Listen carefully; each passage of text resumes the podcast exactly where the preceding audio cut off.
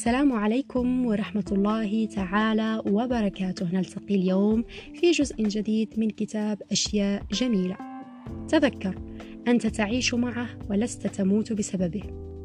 إذا عدت بالذاكرة إلى الوقت الذي سمعت فيه للمرة الأولى عبارة يؤسفني أن أخبرك بأنك مصابة بالمرحلة الأولى من سرطان الأرومة المتوسطة الجنبي. أجد من الصعب أن أصدق بأنني هنا أتلو حكايتي عما حدث فيما بعد. وكما يقول المثل القديم كل شيء يحدث لسبب معين. لذا فأنا أؤمن بأن ما حدث إنما قد حدث لأشارك تجربتي مع الآخرين.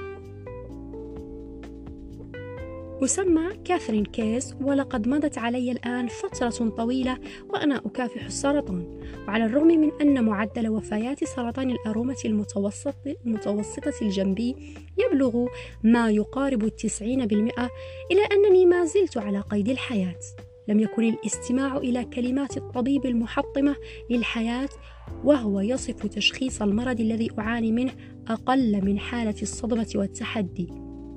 مضت أسابيع إن لم نقل أشهر قبل أن أتوقف عن السماح لمشاعري بأن تأخذني في دوامة لا متناهية من الألم والأسف وفي مرحلة ما استسلمت. ولكن كأي شيء آخر في الحياة استجمعت قواي ونهضت من جديد. وفي نهاية المطاف قلت لنفسي لن أسمح لهذا الوضع بأن يستهلكني أو أن يتحكم بحياتي. وبدلا من الوضع المغرق في مأساتي الشخصية بدأت بالنظر إلى الأشياء بطريقة مختلفة قليلا. كان هذا عندما خضعت لعملية جراحية دقيقة ونسبة نجاحها ضئيلة لاستئصال الرئة اليمنى. ونظرا لنجاح العملية شعرت حينها بالقليل من الأمل والفرح والراحة وأصبح باستطاعتي بسهولة الاعتراف بمستوى قوتي ومثابرتي ومع مرور المزيد من الوقت والخضوع للعلاجات الاعتيادية المعتمدة كالعلاج الكيميائي والإشعاعي لم يمض وقت طويل قبل أن أجد طرقا جديدة لتحدي ذهني وجسدي وروحي.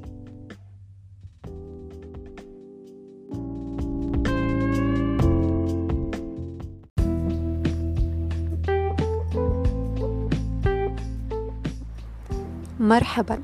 قد تتساءل عن التطبيق الذي أستعمله في تسجيل البودكاست الخاص بي. أنا أستعمل تطبيق أنكر تطبيق فيه العديد من المزايا ميزته الأولى أنه مجاني مئة بالمئة. ميزته الثانية أنه يقوم أوتوماتيكيا بضغطة زر واحدة بتوزيع ونشر البودكاست الخاص بك في العديد من المنصات. ماذا تنتظر؟ أنت أيضا سمعنا صوتك.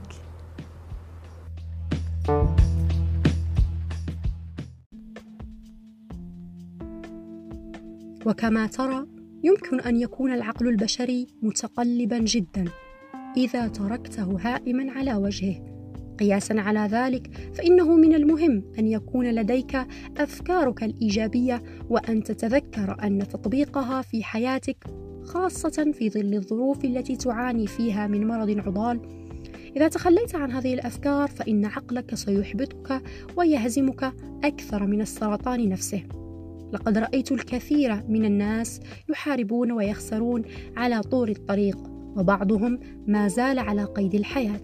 لذلك وحتى هذا اليوم ما زلت أقول لنفسي أن كل يوم هو يوم جديد بفرص جديدة وتحديات جديدة. وما زلت أذكر نفسي دائما أن أتعامل معه على هذا النحو. إن إدراك هذه النقطة كان لحظة حاسمة ليس بالنسبة لي فقط إنما لكل الأشخاص في دائرة الدعم والرعاية المحيطة بي بشكل مباشر. وأنا هنا أتحدث عن الأخصائيين في الرعاية بمن فيهم الممرضات والأطباء. جميعهم كانوا مؤثرين في دفعي إلى بذل جهد أكبر في معركتي ضد نفسي. في نهاية المطاف لعب تصرفي الإيجابي دورا كبيرا في استمراريتي. لقد تعلمت من تشخيصي ومعركتي مع السرطان بأن الشخص الذي يعترض طريقك دائما هو أنت ولقد وجدت ذلك صحيحا المرة تلو الأخرى وأنا متمسكة بهذه الفكرة دوما. بغض النظر عما كنت تعاني منه سواء كان استئصالا لرئتك أو فقدانا لشعرك أو ضيقا في النفس فهناك كلمات يمكنك أن تتمسك بها وتبقيها دوما في ذهنك. ومرة أخرى أشعر بأني قد أنعم الله علي لأنه أتاح لي الفرصة لأشارك قصتي مع أصدقائي وعائلتي وآخرين. فكل يوم نعيشه هو هبة لنا. وعجزنا يأتي من داخلنا وليس من خسارة رئة أو من ضيق في النفس.